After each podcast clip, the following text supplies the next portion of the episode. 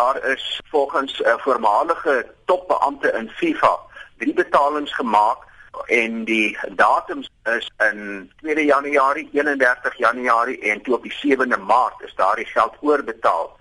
Maar wat interessant is is dat daardie geld van 'n FIFA rekening in Switserland oorbetaal is in die name van die Caribbean Football Union en CONCACAF wat die Sentraal en Noord-Amerikaanse Voetbalkonfederasie is. Meneer Jack Warner was daai tyd die president, maar die rekeninge waarin die geld betaal is, is deur hom beheer. Die geld is inbetaal in die Republic Bank of Trinidad.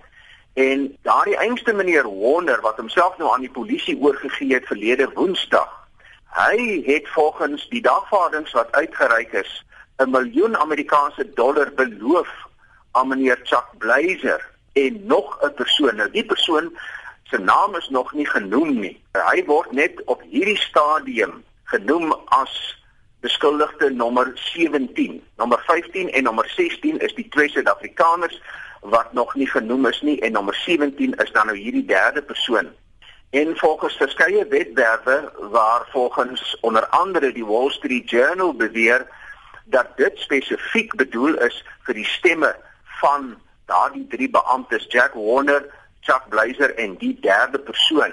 Hou in gedagte dat hierdie einste Jack Warner in 2004 na Marokko gereis het want dit was die jaar waarin die stemming moes plaasvind of Suid-Afrika die wêreldbeker eindtoernooi sou kry of nie dis in 2010 se net het hy na Marokko toe gereis en 'n miljoen dollar geëis en daarna het hy blykbaar volgens die Rand Daily Mail se webwerf het hy die Suid-Afrikaanse bordkomitee gekontak om die aanbod aan hom te verhoog om daardie drie stemme te kry sodat hulle vir Suid-Afrika kon stem. Nou dis alles beweringe wat gemaak word, maar as 'n mens gaan kyk na hoe die stemme uiteindelik verloop het, was daar 14 lede van die uitvoerende komitee van FIFA wat vir Suid-Afrika gestem het en 10 lede wat vir Marokko gestem het.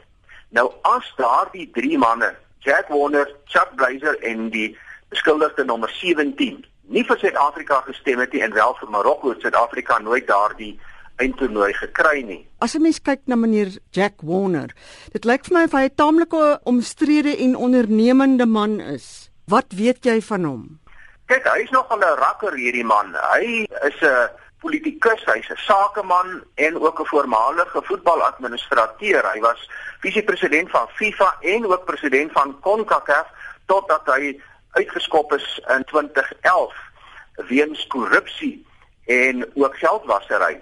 Dan kort kom dit daarop neer dat hy lid was van FIFA se uitvoerende komitee van 1983 af totdat hy uitgeskop is in 2011 en daar is 'n vreeslike lang lys van beweringe teenoor hom dat hy geld sou gesteel het vir korrupsie en dat hy mense omgekoop het oor 'n lang periode vir sy stem om vir hulle te stem vir wêreldbeker eindtoernooie se aanbied en vir ander sake ook binne FIFA. So nou, hy's bekend daarvoor.